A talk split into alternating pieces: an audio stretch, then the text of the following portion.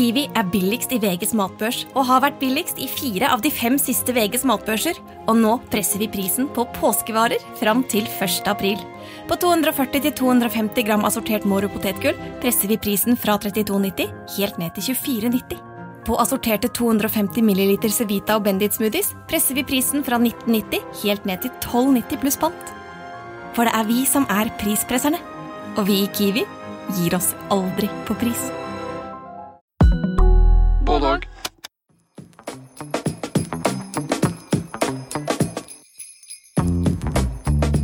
Dag skal vi snakke om 2023.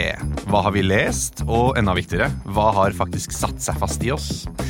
I sesongens siste episode av Boka er bedre skal produsent Felix Sullivan og jeg mimre rundt leseåret som har vært. Kanskje snakke litt om hva som kommer, og ikke minst, vi skal høre hva lytternes beste leseropplevelser har vært. Du hører på Boka er bedre. Mitt navn er Andreas Weier-Aasmo. Boka er bedre. Er bedre. Er bedre. I denne episoden kan det hende at det kommer noen Spoilere. Spoilere! Spoilere! Ja, Andreas. Yes. Da er det jeg, Felix, som skal stille deg spørsmål. Uh, er du nervøs? Eller, jeg er faktisk litt nervøs. Det, det føles større ansvar nå enn eh, da du stilte meg spørsmål. Ja, for i, i forrige uke så snakket vi om leseglede. Vi snakket om eh, hva det vil si å kickstarte igjen leselysten. Ja. Og da var det jo jeg som snakket mye om, med deg om dine erfaringer. Men Stem- i dag var det du som hadde lyst til å Vi hadde lyst til å snu på det, Ja. og, og også recappe året, som du sa. Og, og da tenkte jeg egentlig bare å begynne å, å høre med deg. Hva, hva var det beste du leste i 2023? Vær så god, Andreas. Jo, jeg har tenkt mye på dette her.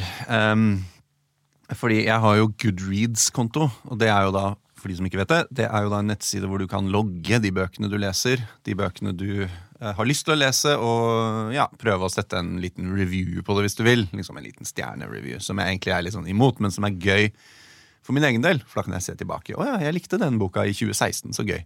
Så har jeg et lite sånn nerdete skjema over hvilke bøker jeg har lest, og når. Så har jeg jo da Du kan sette deg noen mål i starten av året uh, på hvor mange bøker du vil lese.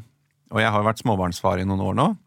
Ja. Eh, Så jeg har jo ikke de, de målene har eh, glippet akkurat hver gang i, siden 2018 cirka, da jeg fikk eh, barn. Men i år så fikk jeg også en sånn kickstart. Jeg tror det er litt pga. den podkasten her òg. Så i, da, i år når jeg målet mitt med glans. Felix. Applaus. Kort applaus. Det er lyden av klapping. Um, og jeg har lest foreløpig 25 bøker. Ja. Og Hva det var høres målet, ikke sånn uh, Det var 24, faktisk. Sånn uh, to i måneden. Ja. Eh, så det gikk, det, altså. Men året er jo ikke helt over, så det kan jo absolutt eh, komme noen til. Men 25 har jeg lest, og herregud, jeg har lest veldig mye bra. Mm. Altså sånn Jeg har jo lest flere liksom store, store klassikere, egentlig. Mm. Som jeg bare har uh, pusha litt eh, foran meg. Sånn, jeg tar det senere. jeg tar det Mm. senere. Og den nevneverdige, og den har jeg nevnt tidligere i podkasten òg, med flere anledninger, det er um, Brødrene Karamazov Ja. av Fjodor Dostojevskij, som er denne boka om disse tre, men også kanskje fire, brødrene som uh, lever sammen med en fordrukken, rik jævel av en far, for å sitere de derre. Eh, som da Han blir jo drept, denne faren. Det er ikke en spoiler, for det er ganske veletablert. Og så blir det til en slags krimgåte. Ja. Et rettsdrama. Who done it? Et who done it. Og masse filosofi og masse religion og liksom eh, litt nihilisme, litt humanisme. Det er liksom en bok som inneholder alt. Og en bok på 980 sider eller noe sånt. Ja. Jeg gikk jo inn med ganske mye ærefrykt. Har jo lest Dostoje- Dostojevskij før. Men Hva har du sånn- lest av han før? Uh, Idioten. Ja. Måtte jo lese den. uh, når man er en idiot. Eh, og eh, ikke forbrytelse og straff ennå. Den har jeg også skjøvet litt foran meg. Ja. Men uh, Spilleren, eller The Gambler, Ja, ja. uh, dobbeltgjengeren Han så- slet jo mye med det selv. Han. han gjorde det, så han skrev, han skrev den ironisk- Ja, men han skrev faktisk akkurat ironisk nok Så skrev han spilleren for å få penger fordi han hadde spillegjeld. Stemmer. Det er litt gøy. Det var- og, og Dobbeltgjengeren, ja, vet ikke om han slet med det, men en av hans tidligste. Og øh, ja, det er mulig det er en til. Men det er de, da. Også Brødrene Karamazov, som jeg syns var bare helt Levde opp til ryktet sitt på alle mulige måter. Ja. Um, utrolig hvor fort den bare glir av gårde. Uh, i språket. Bare, den bare tar deg med på en sånn reise. Og det er utrolig å tenke på at den er skrevet i 1870, nei, slutten av 1870-tallet. Det er faktisk helt vanvittig. Så det er en av dem. Men det er jo en tung eh, og krevende bok. Den er lang. Ja. Um, vi snakket jo litt om det i en annen episode, hva som gjør en bok vanskelig. Ja. Og dette er jo noen som, altså Hans litteratur er jo på en måte sett på kanskje ikke vanskelig, men highbrow. da. ja. Temmelig highbrow. Ja, Men når du liksom, når man hører deg fortelle om hva den boka handler om, så er den jo plutselig veldig tilgjengelig. Du, du sier jo ikke at det er en krim, men, men den har det drivende elementet at det er Ja. noen som har gjort noe galt, og så skal man jakte på det. Men i det så kommer det vel veldig mye annet fram, da. Ja, og, og så er det dette at det er så mye sånn han, Det er veldig få som forstår seg på menneskers veldig kompliserte følelser, som Dostojevskij. Han graver så sinnssykt dypt, og så sitter du der og tenker herregud, at en person klarer å grave fram disse tankene her, også på 1800-tallet, hvor du føler Man føler jo at liksom, ting var så mye simplere før, eller det var så mye eh, Ja, altså det, vi lever et mye mer høyteknologisk eh, liv, og vi vet så mye mer enn vi gjorde da, men, men her sitter en, satt en russisk fyr og skjønte alt, er det den følelsen du sitter med når du leser uh, Brødrene Karamazov. Så den kan jeg ja, varmt anbefale. Og så var han veldig opptatt av religion i en tid hvor det, religion hadde veldig hardt eh, feste i, eh, i befolkningen. Ja, ja, ja. Og veldig kritisk også til uh, den kristne moralen. Ja, samtidig som han, han er jo um, Han er veldig uh, kristen selv. Ja. Ekstremt uh, opptatt av det. Men um, ja, han, er, han, er, han er kritisk til det i den, i den form av det jeg nevnte i sted. At han er så god til å sette seg inn i andre menneskers liv. Han kan skrive om en ateist og selge det inn som et sånn brennende innsalg for ateismen. Men, men så vet man at han var veldig kristen personlig. Og så skriver han en, altså disse brødrene. Du har jo en, en munk som er bare godheten selv, er jo en av disse brødrene, Alyosha. Og han eh, selger han inn som en altså det, det å leve for andre gjennom Gud, altså det er så utrolig. Det blir så tilgjengeliggjort. Og så har du denne tvilende broren, Ivan, som også du begynner virkelig å skjønne hva Han selger det, perspektivet inn så utrolig godt òg. Så det er nesten så han tror så hardt på begge de to veldig motstridende synspunktene. Og da sitter du og tenker at her er bare en er forfatter som har skjønt alt av hvordan man portretterer mennesker. Så det er en god anbefaling der hvis du har lyst til å lese en bok skrevet av en forfatter som har skjønt alt. Sant? Hvem ville du anbefale den uh, Brødrene Karamazov til? Jeg tror du må være eh, tålmodig i det at eh, det er jo litt gammelt språk, selv om det er eh, veldig eh, moderne temaer samtidig. Ja. Du leste den på norsk eller engelsk? Jeg leste den på norsk. Jeg, jeg syns det var en god uh, Oversatt av Geir Kjetsås, tror jeg han heter. Mm. Eh, god oversettelse som ikke har veldig arkaiske ord og vendinger, men det er til det er noen ting du liksom må google litt. Og Mm. hva, hva er en starets? Og hva er en eh, ja, Det er litt sånne der russiske uh, enheter på eh, avstand, liksom. Sånne ting Ja. som du må bare Å ja, fader, hva er det?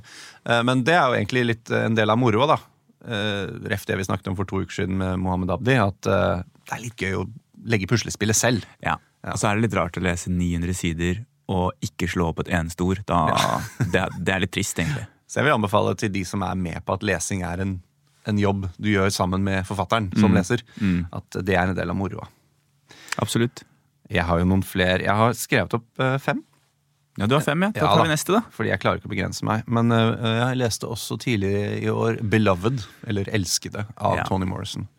Og det, uh, det står igjen også som en, en utrolig, utrolig sterk bok. Og Andreas, hva handler Beloved om? Jo, 'Beloved' handler om uh, Den er satt til 1850-tallet, tror jeg. Rundt der. Um, uh, I uh, slavetiden i Amerika. Og til Ohio. En, eh, og det er en kvinne da som heter Sethy. Sethy, ja. Eh, et navn jeg ikke er helt usikker på hva man sier, men Sethy. Hun, for 20 år tilbake cirka, så var hun slave. Mm. men det klarte hun å rømme fra. Eh, og da rømte hun sammen med sine fire barn. Um, og bare ett av dem er med henne i dag, eh, 20 år senere, i et hus. Og det huset er vel liksom Det skjer mye rart med det huset. Det skjer liksom allerede på side én. At de har bare eh, slått seg til ro med at huset er hjemsøkt. Mm. the house is haunted, liksom. Det huset lager masse trøbbel for dem. Uh, og det har de bare slått seg til ro med. At, um, men veldig Som man kjapt gjør. Som man gjør. Hvorfor ikke, liksom? Men veldig kjapt, kjapt så rulles det opp da at det er av hennes døde barn. For det er ett av de barna som døde, og så er det de to guttene hennes som med en gang de ble 12-13, faktisk, så stakk de av for å kjempe i borgerkrigen. Ja. Så det er litt senere enn 1850-tallet. Jeg tror det er når hun var slave, det er 1850-tallet. Ja. Um, men et av barna døde. Det ble drept, og det var hun som gjorde det. Altså moren. Mm. Uh, Sethy. Og wow. hun, fordi hun ble hentet etter å ha rømt som slave, så kom hun til det huset, og så kom de som holdt henne som slave, etter henne. Fant henne og skulle hente henne igjen igjen, tilbake igjen, Mm. men da eh, drepte hun, uh, prøvde hun å drepe alle barna og seg selv.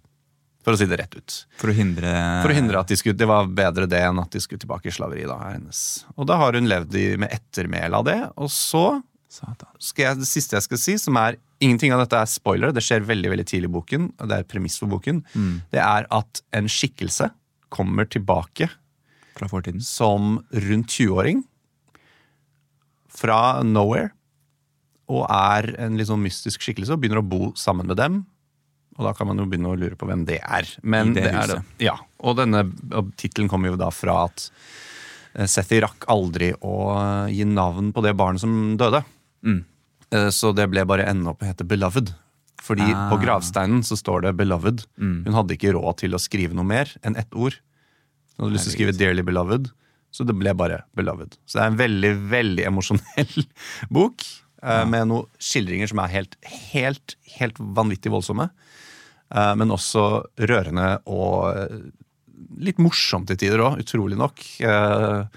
Det er mye karikaturer av mennesker. Det er mye, Godt mye er sterke humor der. Ja, og det synes jeg Toni Morrison er jo en mester, liksom. Hun vant, jo, vant jo Nobelprisen. Uh, og en av de som faktisk vant Nobelprisen, som alle, som veldig mange virker å være enig i at liksom fortjente det. da. Mm. Hun står igjen som en sånn Og hun har jo inspirert veldig mange forfattere som skriver i dag. Veldig mange. Absolutt. Eduardo Louis, blant annet. Ja, um, absolutt. Og, og hun hadde et veldig sånn bredt repertoar. Mm. Uh, og så tror jeg det er interessant med Toni Morrison er at hun var redaktør først. Mm. Til hun var rundt 40. Oh, det visste jeg ikke. Så hun ga ut andre bøker. Uh, og var en veldig sånn Og det, det, det gjenspeiles i måten hun skriver på. Det er veldig sånn, det er veldig tight. Ja. Selv om hun lar språket blomstre og det flyter litt utover, og sånn så er det også for ingenting føles overflødig. Oi, det er kult. Jeg tror at da jeg skrev en sånn liten review om den på Goodreads, da, som jeg nevnte tidligere, Mm. så sku, tror jeg jeg kalte den en sjeldent perfekt roman. Det vil jeg faktisk stå ved, at Mm. Beloved er så godt som perfekt i, i utførelsen. Så hun startet med å lese andres bøker, og så tenkte hun dette kan jeg gjøre bedre selv. Ja. Og så gjorde hun det bedre Ja, selv. nettopp. Det, det tror jeg nok. Hvem vil du anbefale den boka til, da? Det er jo en øh, Det virker å være en sånn bølge med bøker om veldig sånn triste, tunge temaer. Den der A Little Life, eh, for eksempel. eh, Fikk veldig mye oppmerksomhet for noen år siden da den kom. Og den skal visstnok også være sånn sjeledrepende, tung og trist. Jeg tror at de som liker å lese de type bøkene som, som er triste, Jeg liker det. Ja, ikke sant? Og også selvfølgelig hvis du er opptatt av um, hvordan folk ble behandlet under slaveriet. Altså hvordan slaver ble behandlet. Uh, og hvordan mennesker som har vært gjennom det, kan oppleve livet etterpå. Eh, da vil jeg, altså det, det er en sånn must read, syns jeg. Så det jeg hører nå, er at du basically anbefaler den til alle. ja, men du må, du må ha litt mage. For det er, det er uh, Altså, du må ha litt mage for sånne ting. For den er vond. Ja, den er, den er sterk. Altså, den er, den er, de scenene hvor det skildres jo, det, det som skjedde med de barna, det skildres jo. Ja. I brutal detalj. Ja? Og det er helt jævlig å lese om. Det må jeg bare si. Så hvis det Du må kanskje lese den på riktige dager. Ja. Kanskje ikke søndag uh, når du er klein og det regner ute, men kanskje det også er det perfekte tidspunktet. Det du vet, hende. Å lese når du er syk, eksempel, kan også være veldig fint. Da er du ja, ja. tilgjengelig. Og så sitter du bare med masse miserable hendelser, og så kan du se rundt deg og si ja, er så, jeg har det ikke så ille, vel. Ja. Som dette, i hvert fall. Men føler ikke du også at når man er trist, så kan det hjelpe å lese triste bøker, for da føler man seg ikke så ensom? Jo, det er veldig fint. Og det, det er ikke umulig at vi kommer innom noen sånne bøker. Vi skal innom bøker noen andre triste bøker etter hvert. Men eh, ok, så Beloved Tony Morrison. Du har lest, eh, du har lest noen, noen Ja. klassikere, altså. Jeg har lest, jeg sparer den siste store klassikeren til slutt, Ja. tror jeg. Um, en bok jeg har lyst til å trekke fram, som jeg også nevnte um, uh, litt sist, Det er menneskenes mest fordekte minne. Mm. Veldig bra tittel. Ja, og det er jo av han Mohammed Mogar Sarr fra Senegal uh, via Frankrike. Eller Frankrike via Senegal, blir det. Eh, og den boka handler jo da om en forfatter uh, fra Senegal som bor i Frankrike, som har gitt ut en bok, men ikke fått det store gjennombruddet, som blir besatt av en annen forfatter, som er litt sånn mytisk, mystisk type, som ga ut en bok i 1939 som heter TC, altså forfatteren da heter TC Elimane. Og så er det en veldig sånn et lite afrikansk miljø, forfattermiljø som blir veldig obsesst med denne boka. For han var også fra Senegal, denne mystiske forfatteren. Og så er det livet hans, så ser vi tilbake i tid, vi ruller opp via personer han kan ha kjent, og så er det en sånn god gammeldags skattejakt. Etter noe som kan muligens finnes. En mann som muligens kanskje lever. Altså, vanskelig å forklare liksom hvorfor den er så kul, men den også inkorporerer en del eh, afrikanske folkemyter. Den er ganske fin og Altså, den er antikoloni... Oh boy. Koloni. Antikoloni. Kolonistisk. Ja. For eksempel. Kolonistisk er bra. Eh, og den er um, Nei, rett og slett veldig leken. Veldig uh, ekstremt uh, sær. Og det føles ut som, så jeg sa det sist òg, at liksom sånn, den ga meg en sånn barnslig leseglede. Den slet jeg med å legge fra meg når jeg virkelig kom inn i den. Kan vi si barnlig? Fordi barnslig er så negativt. Ja, ok, Barnlig leseglede, da. Takk skal du ha. Produsenter. Så den anbefaler jeg Ja. til folk som uh, er opptatt av litteratur, og liksom syns det er gøy med uh, og, Sånn som meg, kanskje, som liker å lese om forfattere. Ja. Som syns at de, de eh, livene de har levd, er ganske spennende også. Det, den her er jo, boka er jo en sånn kjærlighetsbrev til forfatteren og litteraturen. Og det liker jo vi som er opptatt av det. Uh, Men det er også liksom en fin en liten eventyrroman. En sånn reise. Mm. Ja, veldig godt skildret liksom hvordan han reiser fra Frankrike til uff, Hvor er det? Sveits til ned til Og så reiser han ned til eh, Senegal. Og ja, det er, det er en veldig fin eh, Fra en verden til en annen. Ja. Den høres jo litt mer eh, altså Man skal ikke si det, men lettbeint ut enn de to eh, du har nevnt. da Ja, den er eh, den, den, Jeg liker jo at den er ganske lettlest, ja. Men den er også eh, Den har noen tunge, tunge refleksjoner. Den tør å være litt filosofisk, og, og du som rosa inn i eh, filosofien og, og det og liksom om litteratur. Så er det noen sånne avstikkere. Det har den, den, har jo, den er jo prisvinnende bok, men den har også fått litt kritikk, eller kritikk for at noen mener at det kanskje kunne vært ute. da Jeg har sett noen anmeldelser hvor det er litt sånn det kan bli litt mye av det gode med, med filosoferingen. Men igjen, hvis du liker sånne ting, sånn som jeg eh, gjør, eh, så er den her veldig treffende. Hvis man ikke kan gjøre det i bøker, hvor, er det noen steder igjen i samfunnet man kan gjøre det da? For altså filosofere? Nei, Det er et godt poeng. Um, det var da tre bøker du har vært innom nå. Ja. Hva er neste, Andreas? Ja, altså Hele verdens Eller igjen Frankrike, faktisk. eh, Men også blitt sånn verdens eh, lille sure gnom. Michel Houellebecq. Houellebecq, eh, han har skrevet en Sure bok. gnom. Ja, han er, han er jo det. Hvis du har sett et bilde av Houellebecq, så ser han litt ut som et lite troll, og han smiler aldri. Eh, og han har litt sånn ja, så har litt sånn den fremtoningen. Og så er jo litteraturen hans eh, dette har, Du har jo også lest eh, boka jeg skal nevne. Eh, den er jo litt sånn surgnomete. Ja, men jeg bare, Når jeg ser gnomer, så tenker jeg at de er litt hyggeligere. Altså, Ah. Hulbeck ser ut som en gnom på heroin, på en måte. ja, ok, så, Men han er ikke sånn husnisse Harry Potter, sånn som Ref eh, snakket om sist. Ja. Litt mer sånn Ikke ok, snakk om de. Gnom på heroin. Ja, Han har skrevet en bok som heter 'Kartet og terrenget'. Ja. Veldig bra tittel, syns jeg også. Ja, og denne har jo du lest også. Um, så jeg vet ikke om du likte den like godt som meg, men jeg har blitt veldig glad i de bøkene hans. Fordi de er eh, De, de, ja, de stiller en eller annen kløe etter en liksom sur og liksom vrang, litt sånn lite PK livssyn, som det er gøy å på en måte være en del av en liten stund. Eh, og så er det greit at han har skrevet en del bøker som er på 200-300 sider, og ikke liksom bare bøker på 600 sider. Fordi man kan få det litt i halsen. Men denne boka her syns jeg er veldig kul. Den handler om en kunstmaler som heter Jed Martin. Eller Martin, jeg vet ikke. Han er fransk. Um, og han uh, sliter litt først med, med kunsten. Han får det ikke helt til, og så plutselig eksploderer det og så er det mye om det at hvordan han blir berømt, og liksom hva, hvordan han reagerer på det. Han er jo Syns ikke det er sånn veldig stas, men han blir veldig, veldig, veldig rik. Og så er han Han blir ikke noe lykkeligere. Han blir rett og slett ikke noe lykkeligere i det hele tatt. Eh, og så bare går livet sin gang, og så skal ikke jeg si Det er en veldig sentral hendelse i den, i den boka som jeg ikke skal røpe, men det som skjer før det, er at han blir venn med en forfatter som heter Michel Welbeck. Ja. Og så skjer det noe, og da vet du kanskje hva det er, men jeg skal ikke røpe det. Også, men Jeg jeg har faktisk si, glemt det, selv om jeg leste den for Ja. lenge siden. så har jeg glemt akkurat hva det er, så det er, er litt gøy, da. fordi den siste tredjedelen um, hvor det går veldig mye tid, Mm. kan man si, i løpet av den, de jeg vet ikke, 100 sidene eller 80 sidene, det er en av de mest sånn her medrivende seksjonene i moderne litteratur jeg har lest på lenge. Jeg bare Et eller annet med det som bare det ga meg en helt sånn merkelig, men liksom sånn svimmel. Mm. Fordi det går så lang tid på ganske kort tid. I altså ganske få sider. Mm. Som var en sånn utrolig spesiell effekt. fordi ellers så er boka veldig sakte. Eller det går ikke sånn kjempefort.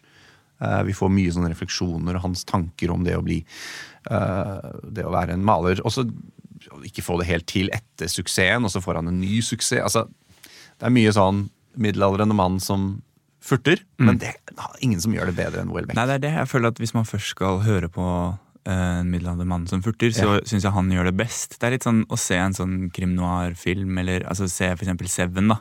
Så det er så utrolig godt gjennomført, men det er veldig deilig å komme ut av det når man er ferdig også. Og så er det litt sånn Det må passe å lese det. Ja, Jeg får ikke så veldig tro på mennesket um, etter å ha lest uh, Hullebekk. Men jeg blir ikke så trist heller. Det er, liksom, det er akkurat det sånn midtsjiktet der. ja. Det er litt som å lese Bukowski, at det er, det er en tid for det, og så har man gjort det et par ganger, og så er man ferdig med det. Det er nok sant. Men eh, du, likte du kartet? Jeg husker at jeg likte den når jeg leste den. Jeg tror jeg leste den da jeg var sånn ung 20-åring. Um, eller kanskje litt eldre, jeg husker ikke. Men uh, jeg, likte, jeg likte premisset, sånn som jeg ofte gjør med hans uh, bøker. Og så liker jeg måten han forteller på, og så vet jeg hva jeg får. Mm. Og så koste jeg meg med det. Har du en annen favoritt, Welbeck? Um, jeg tror faktisk det er den jeg uh, likte best. Nå kommer jeg ikke på uh, noen andre. Er det ikke en sånn øy? Eh, muligheten av en øy. Ja, det er også. Han er jævla god på titler. Ja, det er irriterende. Serotonin, underkastelse. Ja. Underkastelse likte jeg også Jeg tror jeg likte kartterrenget bedre. Mm. Men Muligheten av en øy Det er en tittel jeg er så forbanna over at han har tatt. Ja. For Den har jeg hatt så lyst på selv.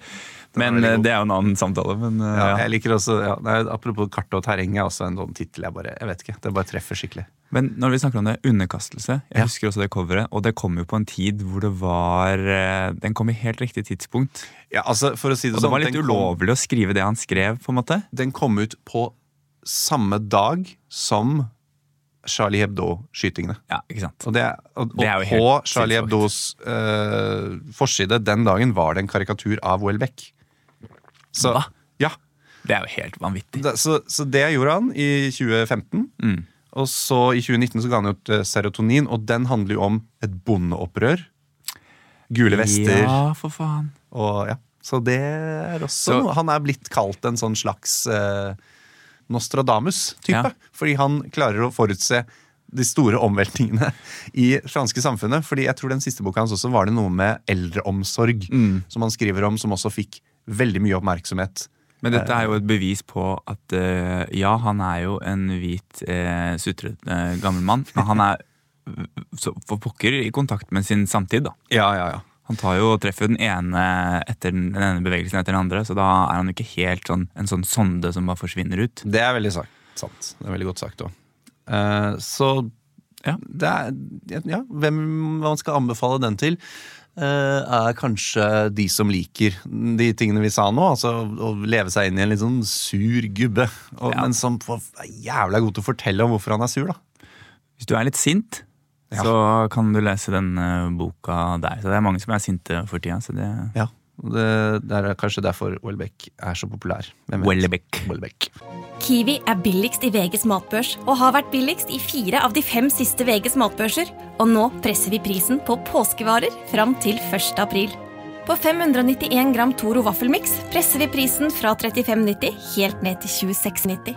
På 410 gram Lerum jordbærsyltetøy presser vi prisen fra 29,40 helt ned til 22,90. For det er vi som er prispresserne. Og vi i Kiwi gir oss aldri på pris. Jeg har en til. Du har siste boka. Ja, og det er jo en bok som jeg også igjen har utsatt å lese. Litt pga. temaet, men som jeg har lest andre bøker av før. Og det er jo Vladimir Nabokov sin Lolita. Ja.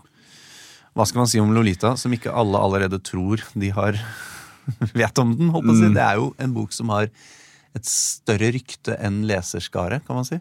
Selv om den boka er på en slags topp 100-liste over mest solgte bøker i verden. Altså, Den er vanvittig populær. Mm. Det har den vært siden den kom. Eh, omtrent. Eh, den ble jo omtrent først forbudt. Mm. Og hvis man ikke Altså, det er ja, kanskje ikke mange som ikke vet hva den handler om, på en måte, fordi den har jo et sånt pass grep om kulturen vår. Men Lolita handler jo da om en pedofil mann som eh, Det er fortalt fra hans ståsted. Eh, om den gangen han eh, reiste Amerika rundt, kidnappet, må vi jo si, og reiste Amerika rundt med eh, Dolores, som hun heter, men som han kalte Lolita. En tolv år gammel jente. Han giftet seg først med moren hennes, og så dør hun. Ganske tidlig i boka. Og så reiser de omkring og har et eh, altså et, et forhold, men det som egentlig skjer, selvfølgelig, er jo at han misbruker henne. Um, og det er en vanskelig bok å lese.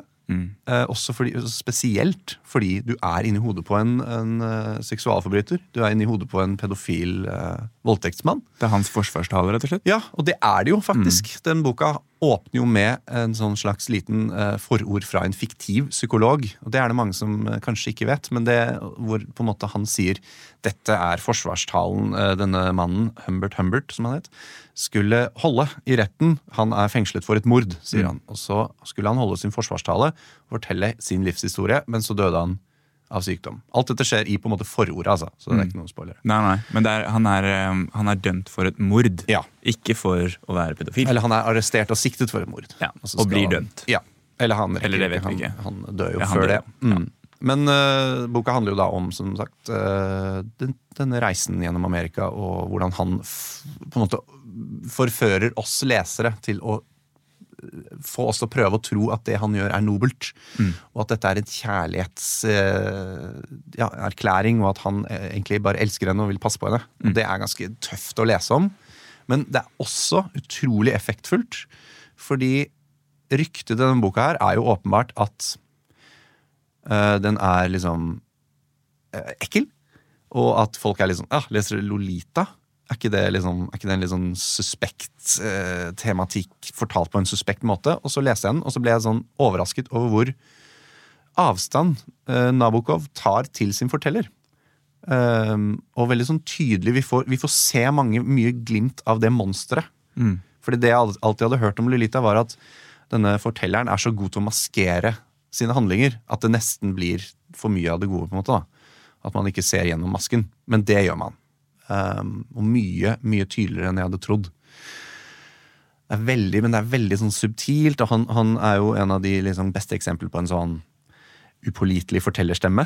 Fordi han lurer oss mye, og han unngår å fortelle veldig viktig Det vi skjønner, er ganske viktige detaljer. Og så skjønner vi senere at han har utelatt den detaljen han utelot der. Den burde han fortalt om, for da hadde vi skjønt det. Ikke sant? Det er mye sånn Tror du alle skjønner det, eller? Jeg tror du må lese den boka nøye nok til å forstå at her Og du må lese den med en skepsis til fortelleren. Og det er ganske gøy. For det er, da, er det, da er det en sånn lek.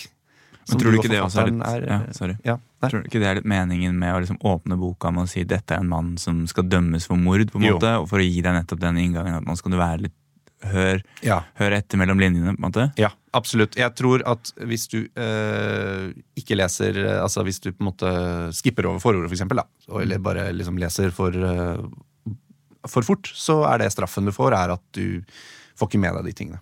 Og så er det en annen ting jeg lurer på, fordi jeg har jo ikke lest den, men har hatt lyst til å lese den, og bare få enda mer noe lyst etter du har lest den og uh, viste meg en sånn video som vi skal snakke om etterpå. Ja. Men eh, tror du ikke også det er litt av poenget til Nabokov, at man skal bli både at man skal følge med, men man skal også bli litt villedet av dette monsteret. Jo, For å gjøre han, tilgjengeliggjøre han litt, da, og på en måte, ja, det, hele den der eh, overgriperen er også et offer.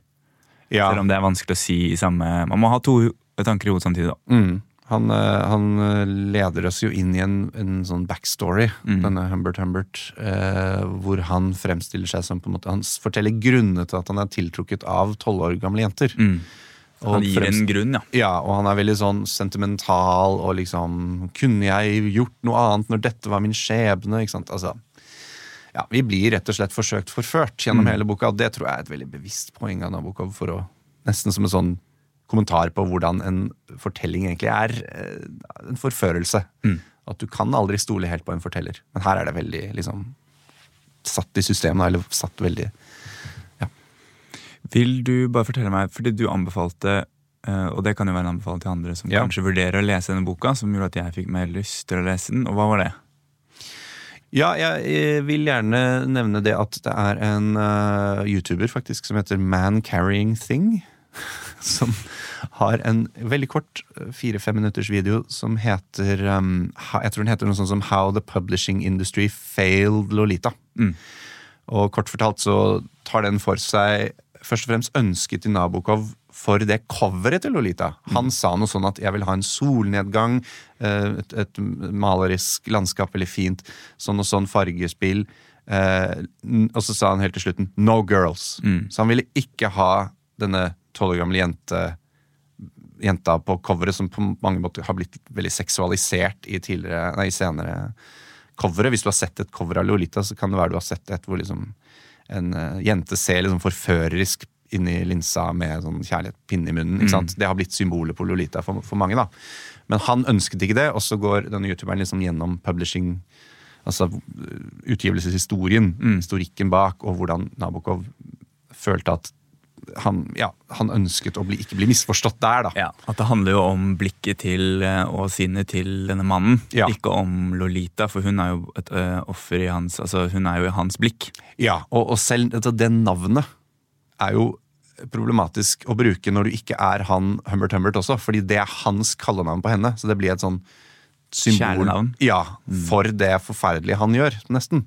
Så hun heter jo egentlig Dolores. Han fjerner jo det navnet, nesten. Fordi han bare kaller henne Lolita. Ja, han tar jo navnet og, og da individualiteten hennes Ja. fra henne. Ri- Riktig. Det det. Men den var veldig interessant. så husker jeg en klar anbefaling på den. Men Ja. vi må kanskje også si en ting, og det er at vi vil gjerne ha en gjest Ja, ja. til å lese den boka og, og snakke om den i en, en hel episode. Veldig riktig. Så hvis noen eh, kjenner seg kallet, Ja.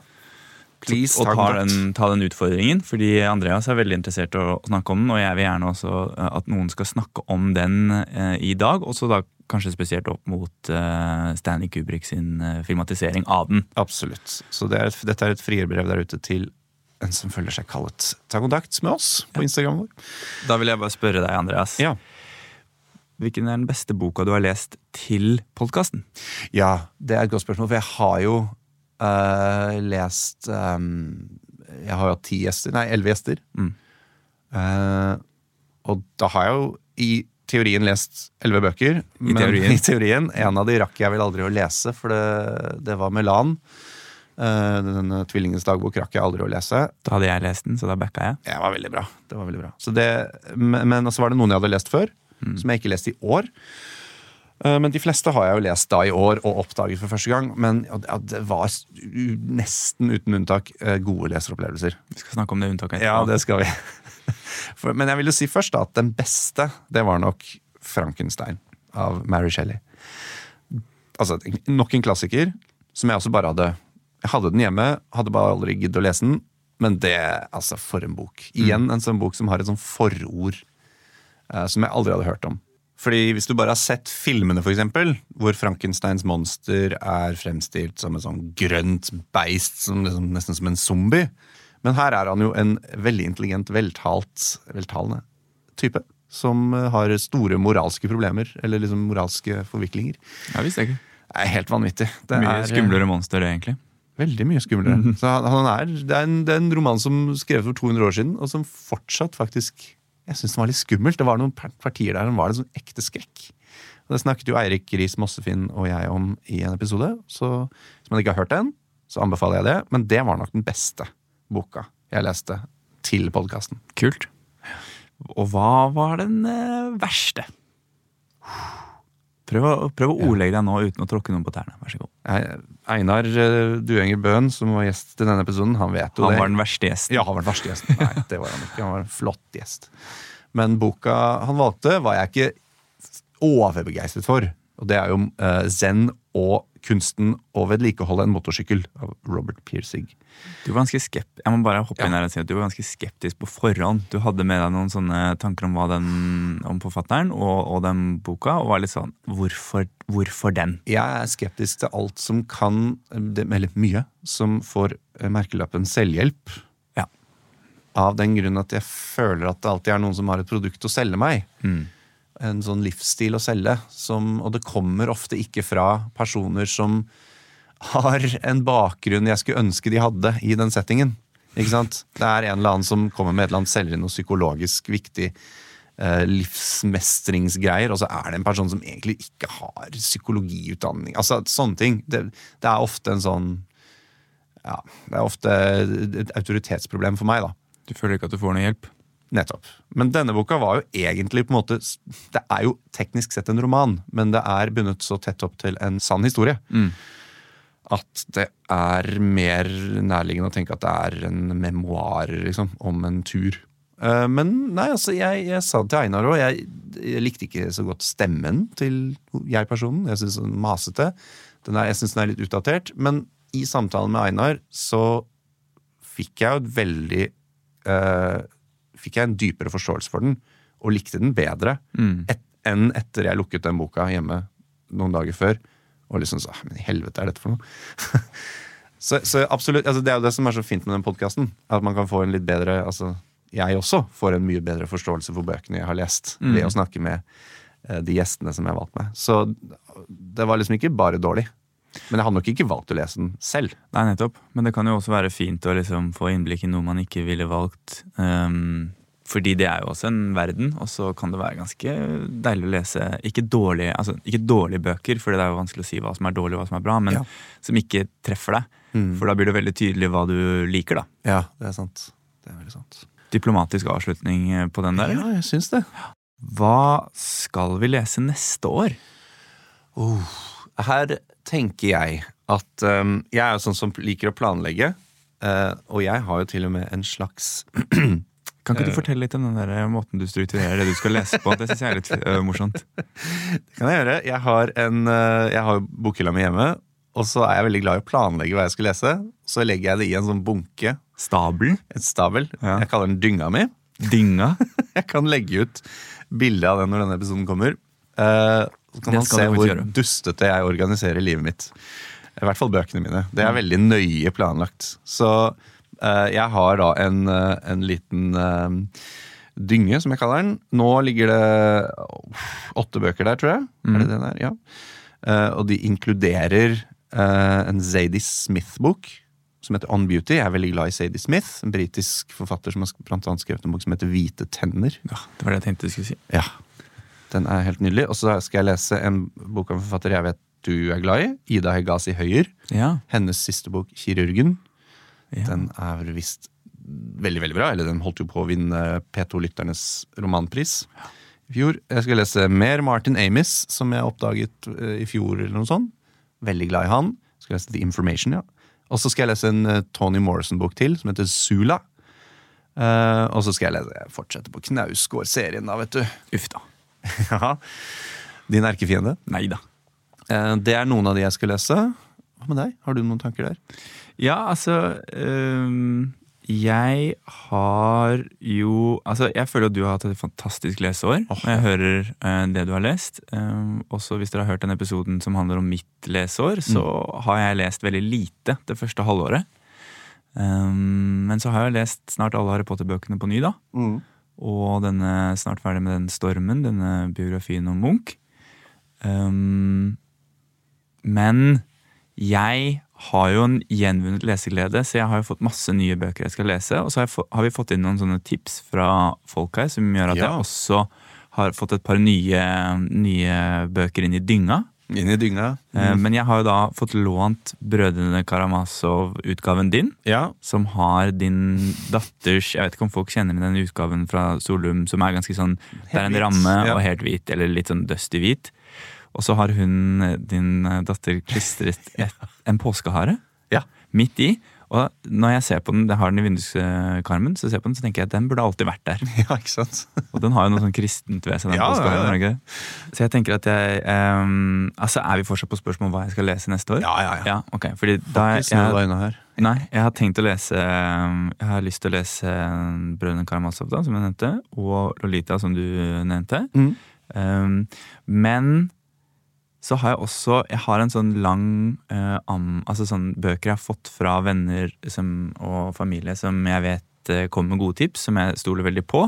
Og siden jeg ikke har lest, så har det spart seg opp to Nei, en jul da, og en bursdag. Mm. Og det er en del bøker, så jeg tenkte jeg skulle pløye gjennom den. Okay. Og det er jo syv-åtte bøker. Har du lyst til å Husker du noen av dem? Jeg husker ingen av titlene.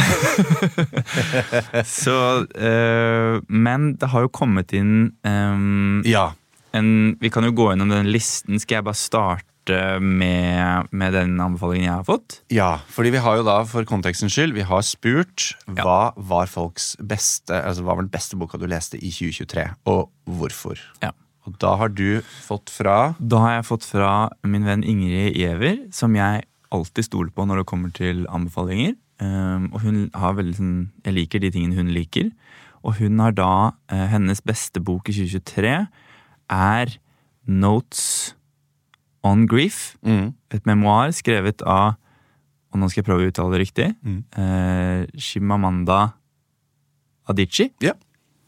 Det er et mellommann der òg, som Ja, Ngozi, tror jeg. Nogosia, eh, som har skrevet en memoar om hennes fars plutselige død. Ja. Um, og dette skjer under lockdown 2021, Mm. altså korona. Uh, og han er på en helt, uh, altså han er et helt annet land enn det hun er i. Og så går hun da gjennom denne sorgen av tapet av en far. Ja. Og jeg, altså jeg, Det er noe med det derre Ja, kanskje for alle, men døden. At man mister noen som er gamle. Mm. Og at det liksom De skal ut, men så er det likevel eh, helt eh, ufattelig. ja. For de forsvinner jo, på en måte. Uansett hva man tror, så er de ikke sånn som de var. da. De er ikke her. Og den ble, som du sa, den ble skrevet under lockdown. Ja. Ja. Eh, som jo er eh, en periode i eh, vår historie som er interessant å høre mer om. Og jeg tror det kommer mer og mer historier om, om den tiden nå, som jeg tenker at vi er eh, modne for. Men jeg kan bare lese litt hva Ingrid eh, skriver om denne boka. Og da sier hun at eh, å miste en forelder, særlig en som er så gammel, 88 år, er en så naturlig del av livet at mange ikke føler det er lov å sørge så intenst man vil. Adichie lager, en, lager et enormt rom, en avgrunn til å bearbeide hennes eget største tap i livet. Og Det syns jeg var veldig fint ja. sagt, og det, det fikk meg faktisk da til å tenke på en annen bok som handler om nettopp det tapet av den Men andre veien, da, en mor som mister sin sønn. Ja. Og det er kanskje en av de tristeste bøkene jeg har eh, lest. Og det er da eh, med den fantastiske tittelen 'Hvis døden har tatt noe fra deg, gi det tilbake'. ja. Anaya Marie Eit. Mm. Grønlandsk, dansk-grønlandsk eh, forfatter ja. som egentlig er dikter. Eller hun er hovedsakelig dikter.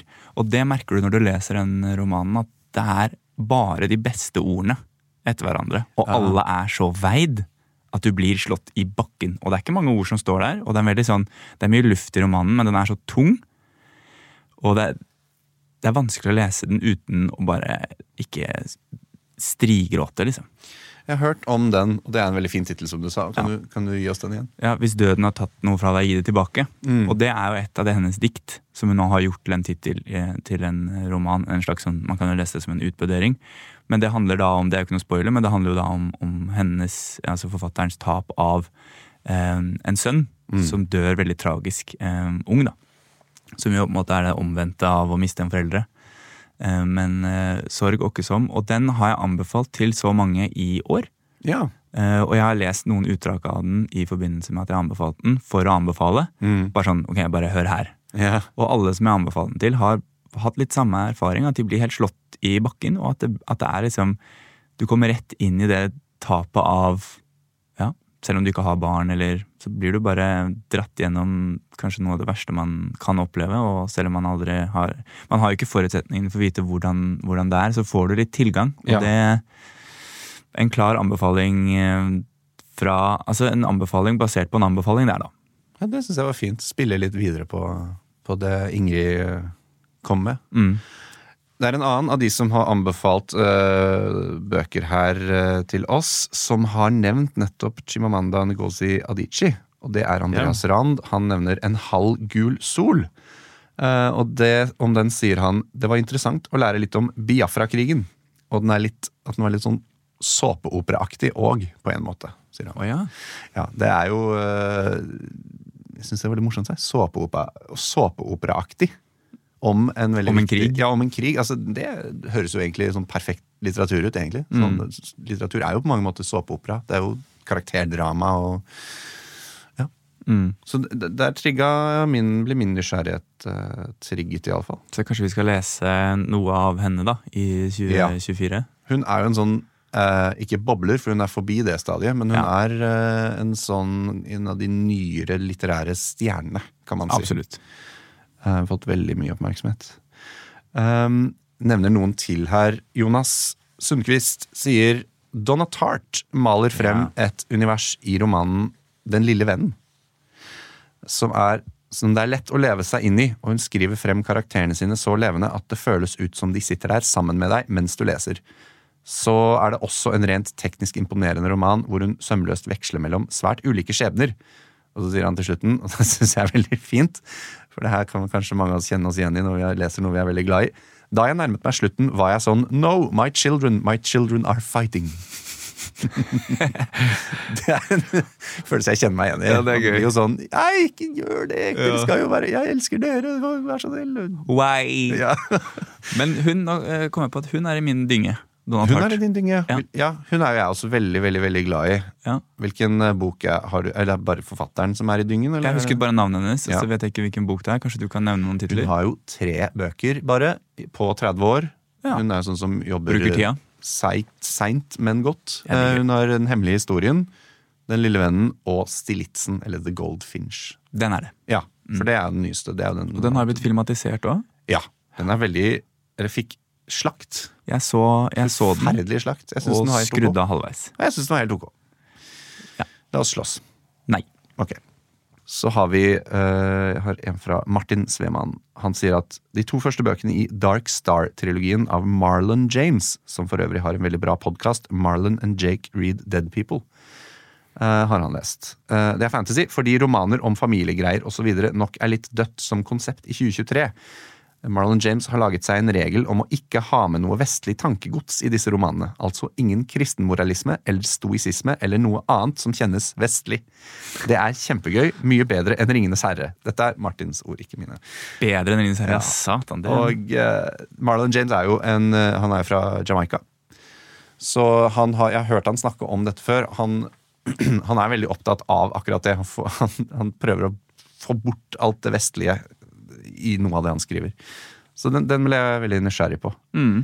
Um, og så vil jeg trekke fram Skal vi se Jeg har fått ganske mange, skjønner du. Og vi har noen som har lest bøker som vi har snakket om tidligere. Blant Blant annet Lina Ulvestad Halås sier Tror min favoritt i år kommer til å være Tvillingenes dagbok av Agota Kristoff, som du tilfeldigvis snakket om på podden akkurat da jeg leste den.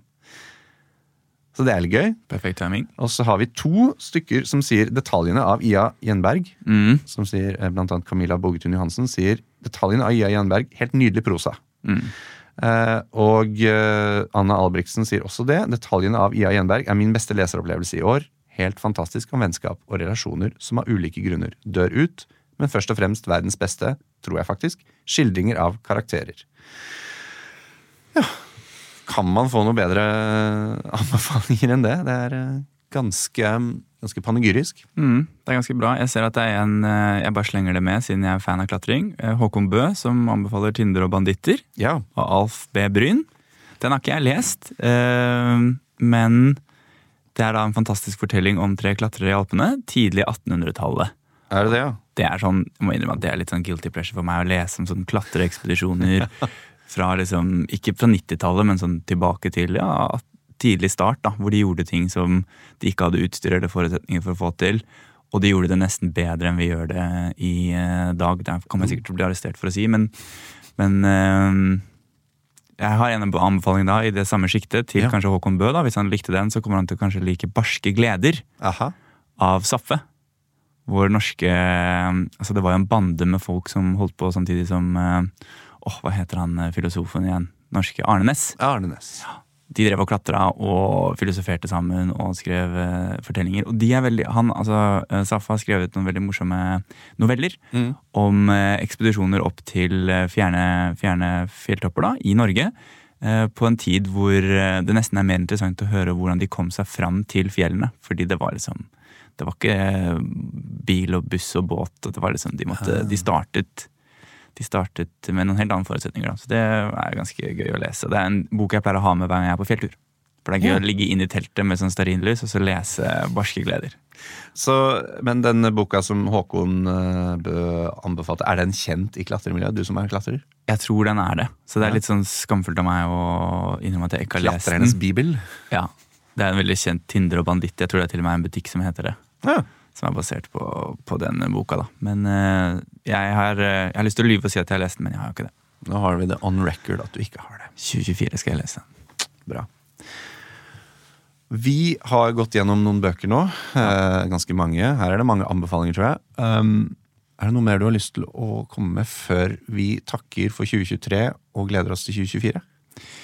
Kanskje vi skal si eh, Jeg har litt lyst til å si, spørre deg, Andreas. Hvis du kunne fått hvem som helst som gjest i denne podkasten her i 2024, Satan. hvem ville det vært? Vær så god. Takk for den. Ah, hvem ville det vært? Jeg uh, har um, lyst til å ha med uh, Det er noen jeg har spurt, som jeg ikke har fått uh, svar fra. Mm. Eller som, som jeg ikke har fått, fått med ennå. Vigdis Hjorth, for eksempel. Ja, det var Gøy. gøy. Jeg har lyst til å ha med Johan Harstad, som er en forfatter jeg setter veldig høyt. Um, ja det er, De er de første jeg tenker. Jeg har lyst til å ha med min barndomshelt, som jeg vet er en eh, leser. Mm. Kjartan Kristiansen fra DumDum Boys. Han, har skrevet, han er han som skriver de sangene.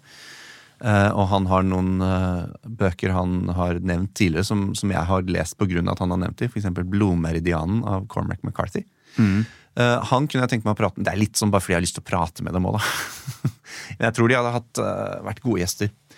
Så, så vi, vi sikter norsk, men hvis eh, Ja, jeg tror vi sikter norsk. Um, jeg gjorde et intervju hvor jeg sa Dua Lipa. Bare fordi jeg vet at hun har en, bok, hun har en bokklubb. Ja, det var gøy. Det er en sånn skamløs måte å si Jeg ønsker at, ønsker at store stjerner skal komme for å få eksponering på denne podkasten. altså ikke de, deres eksponering. Nei, nei, nei. Så det er mange å velge mellom. Altså, Edvard Munch. Han lever ikke ennå, men eh, vi kan ja. Ja, Hvis vi åpner opp det der eh, rommet med folk Ja. som ikke finnes lenger, så er det jo veldig mange da. Da tror jeg Munch hadde vært en av de på toppen. Det hadde vært gøy å ha Munch og Gustav Vigeland sammen, Mm. og full krangel. Men eh, jeg vil gjerne hatt eh, Sissel Wold, jeg. Ja. Ja. hvorfor det? Er fordi hun er en konge, liksom. Mm. Det har vært interessant å høre hva hun leser. Absolutt. Absolutt. Og så ville jeg tatt eh. Ja, og så ville jeg tatt eh, eh, Hva heter hun eh, kunstkritikeren på NRK? Som er så fantastisk. Jeg, når hun er på Nyhetsmorgen, så, og så husker ikke jeg hva hun heter, og jeg er så fan. Mona Mona Palle Bjerke. Bjerke. Ja. Hvis hun har lyst til å komme her og snakke om eh, en bok, så er hun hjertelig, hjertelig, hjertelig velkommen. Da tør ikke jeg sitte i studio, det må du gjøre. Da sitter jeg bak. Setter du på kontrollrommet. Ja. Skal vi takke for året og si takk for at du har hørt på Boka er bedre? Eller vil du si det? Du som skal Nei, jeg tror øh, Jo, nei, jeg kan si takk for at du hørte på alle episodene. For du har hørt på alle episodene. Mhm. Og takk for, eh, takk for deg, Andreas. Takk for deg, Felix. Du har hørt på Boka er bedre. Produsent har vært Felix Sullivan. Tekniker har vært Joakim Sandvik. Boka er bedre er produsert av Både og med Stian Lettesier. Og mitt navn er Andreas Weier Osvold.